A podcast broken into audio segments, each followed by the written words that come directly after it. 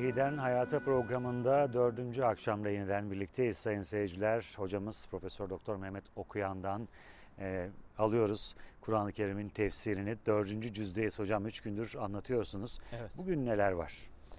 Bugün dördüncü yüzde e, kardeşlerimize Ali İmran suresinin 92. ayetinden 200. ayetine kadarki bölüm ile Nisa suresinin 1. ayetinden 23. ayetine kadarki bölüm vardır dördüncü cüzde.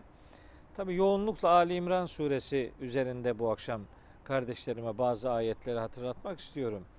Dün akşam hatırlatmak e, durumunda olmamıza rağmen hatırlatamadığım iki ayeti bu akşam e, kardeşlerimle paylaşmak istiyorum. Önemine binaen e, önemi şuradan geliyor. Şimdi böyle din kavramı denince işte mesela İslam bir din, işte Hristiyanlık başka bir din, Yahudilik başka bir din, Budizm başka bir din diye böyle bir din çeşitlemesi üzerinden sanki İslam'la diğerleri aynı kategoride kabul edilebilirmiş gibi o da din, bu da din, şu da din. O zaman hangisinden gidersen git gibi öyle bir algı var.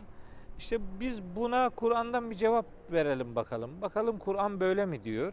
Onunla ilgili iki ayeti özellikle okumak istiyorum.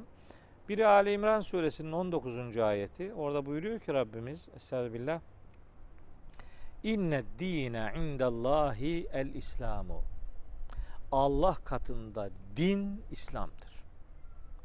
85. ayette de buyuruyor ki Estağfirullah ve men yebtagi gayrel İslami dinen felen yukbele minhu. Kim İslam'dan başka bir din edinirse o ondan kabul edilmeyecektir. Şimdi ben niye bu ayetleri okuyorum? Dini Kur'an'dan öğrenelim diye. Bir mesele dini ise onun referansı Kur'an olmak zorundadır. Siz bir meseleyi Kur'an'dan delillendiremiyorsanız o zaman insan kaynaklı kanaatleri devreye sokuyorsunuz demektir. O zaman insan kadar din ortaya çıkıyor. Oysa dinin sahibi Allah'tır. Zümer suresi 3. ayet gayet net. Ela lillahi dinul halis. Dikkat edin. Halis, arı duru din sadece Allah'a aittir. Din Allah'ın kitabından öğrenilir. Hatta Hucurat suresinde 16 veya 17. ayette buyuruyor ki Rabbimiz Kul etuallimûne Allah'a bidinikum. Siz kim oluyorsunuz da dininizi Allah'a siz mi öğretiyorsunuz? Biz Allah'a din öğretme cüretkarlığında bulunmamalıyız. Allah ne diyorsa din işte odur. Peki diğer isimler neyin nesidir? Bakın buradan ilanen söylüyorum.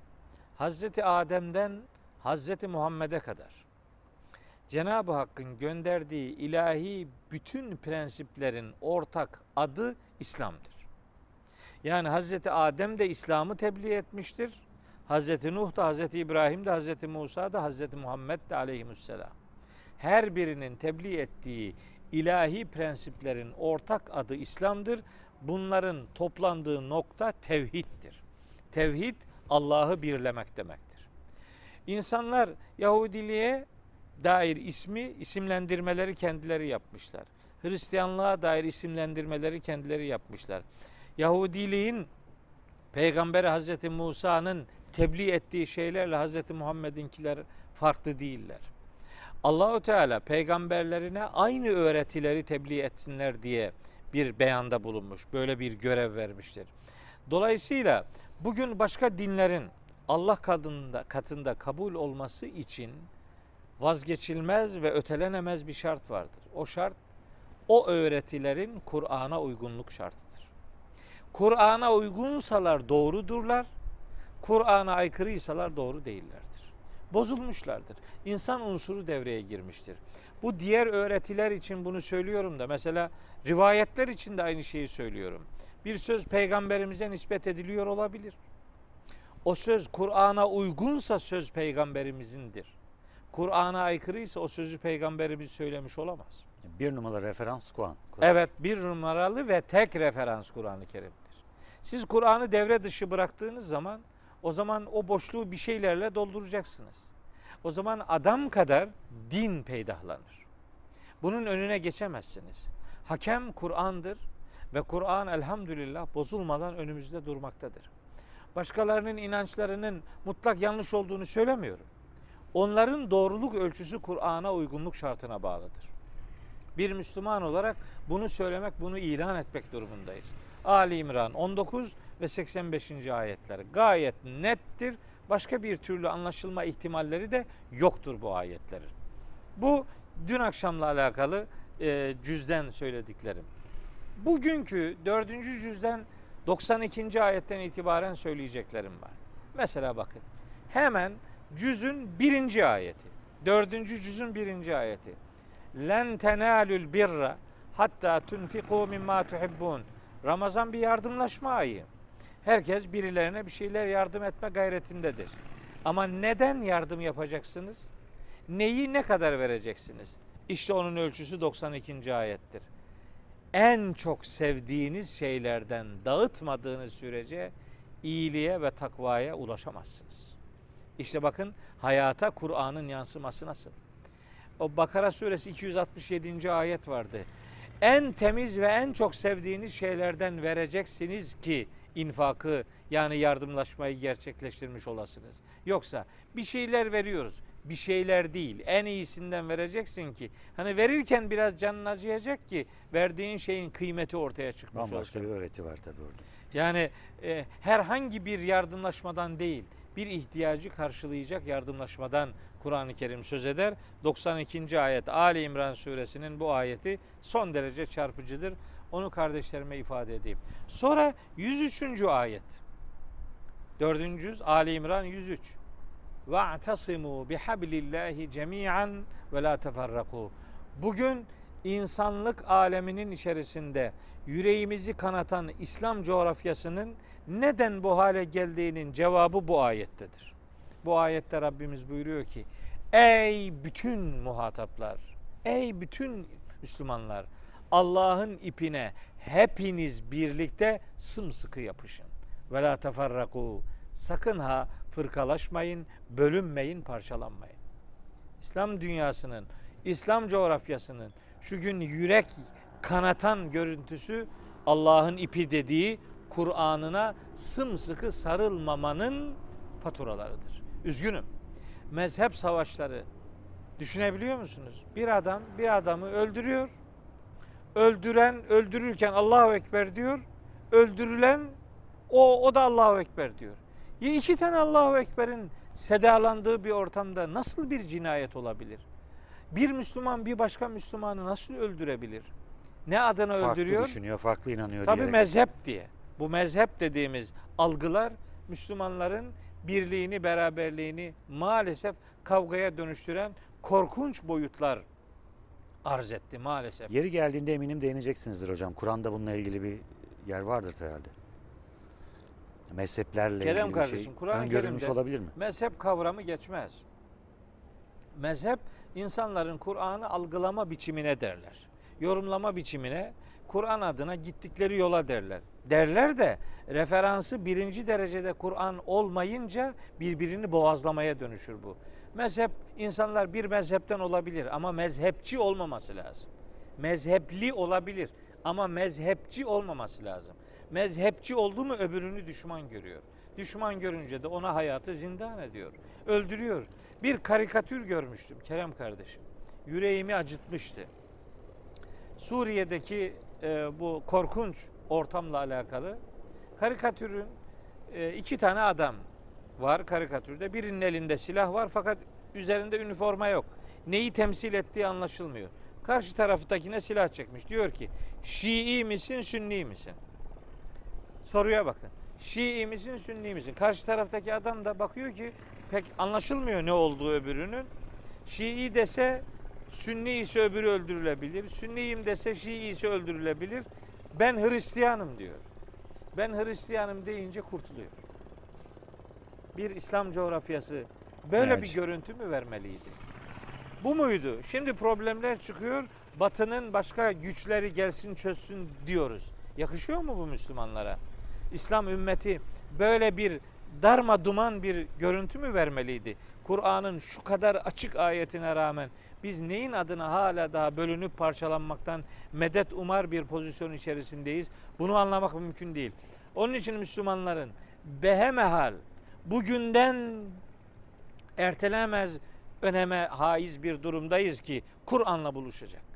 Kur'an'ın anlattığı İslam'ı hayatına hakim kılacak. Kur'an'dan referanslar bularak dini tecrübelerini ortaya koymaya gayret edecek. Hazreti Peygamber'in yaptığı buydu. Sakın ha bölünmeyin, parçalanmayın diyor. Bakın. Ve la tekunu kellezine teferraku sakın ha bölünüp parçalanan ve ihtilafa düşenler gibi olmayın. O da bu ayetin yani bu surenin 105. ayeti. Bölünür parçalanırsanız Enfal suresinde diyor ki birbirinizle kavga ederseniz gücünüz kuvvetiniz yok olur gider diyor Allahu Teala. Hatta En'am suresinde diyor ki dinlerini bölük pörçük yapıp kendileri grup grup bölünenler var ya senin onlarla hiçbir işin yoktur diyor. Aslında uyarılmış. Tabi onlarca onlarca ayet var. Yani dördüncü cüzdeyiz diye sadece bu ayetleri söylüyorum. Daha nice nice ayeti kerimeler var ama Müslümanlar Kur'an'ın referanslığında bir İslami öğretiye maalesef gelmediler. Maalesef hala daha başka başka referansları Kur'an'ın önüne geçirdikleri için Ramazan Kur'an ayı olmasına rağmen Ramazan'da bile Kur'an'dan konuşmayan bir algıyla dini sunumlar yapan bir görüntü veriyoruz. Yakışmıyor be. Yakışmıyor. Kur'an ayında Kur'an'ı konuşun. Ramazan'ın Müslümanı olun ki ömrünüzün diğer günleri de Ramazan gibi Müslümanlaşacağınız zamanlara sahne olsun. Onun için Kur'an'la buluşmak lazım. Kur'an'ı konuşmak lazım. İşte Ali İmran suresinde birkaç ayet daha söyleyeyim. Lütfen hocam. İşaret aldığınızın farkındayım. Yani yani aklımda Süre ayetleri sıra sıra geliyor aklıma ama bir kısmını geçmek durumundayım mecburen. Ama birkaç dua ayetiyle e, veya dua ayetinden önce şu ayeti hatırlatayım kardeşlerime. Ali İmran suresi 179. ayet. Kur'an'ın fonksiyonunu ortaya koyan ayetlerden bir tanesidir. Der ki Rabbimiz Ma kana Allahu liyezeral mu'minina ala ma entum aleyhi hatta yemizel habise minat tayyib. Allah müminleri bulunduğunuz bu hal üzere terk etmez. Ta ki inançta, ahlakta ve uygulamada çirkin, pis, kötü olan şeylerin iyileriyle değiştirilmesi gerçekleşinceye kadar. Yani Kur'an'ın iddiası bozuk inançları ayıklamaktır. Bozuk davranışları ayıklamaktır. Bozuk ahlaki e, görüntüleri devre dışı bırakmaktır. Müslümanın hayatında böyle bölük pörçük görüntüler olmamalıdır. Kur'an'ın öğretmek istediği, ahlaken kazandırmak istediği değer bir dönüşümdür. Neye dönüşüm? Kötüden iyiye dönüşüm. Kur'an bir hicret kitabıdır. Neden hicret? Günahlardan sevaplara hicret. Boşunalıklardan anlamlılığa hicret. Ee, Zararlıdan faydalıya hicret. Şerden hayra hicret. Zarardan kara hicret diye bir hicret öğretisi vardır.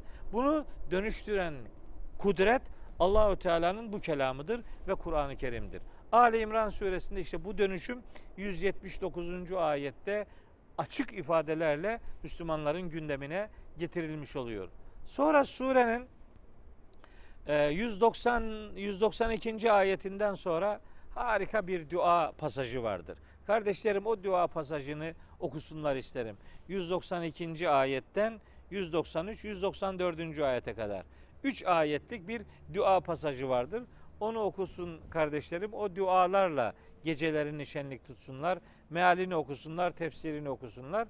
Sonra bu cüzde bir de Nisa suresinin hemen başından kısacık bir şey söyleyip toparlamak e, durumundayım.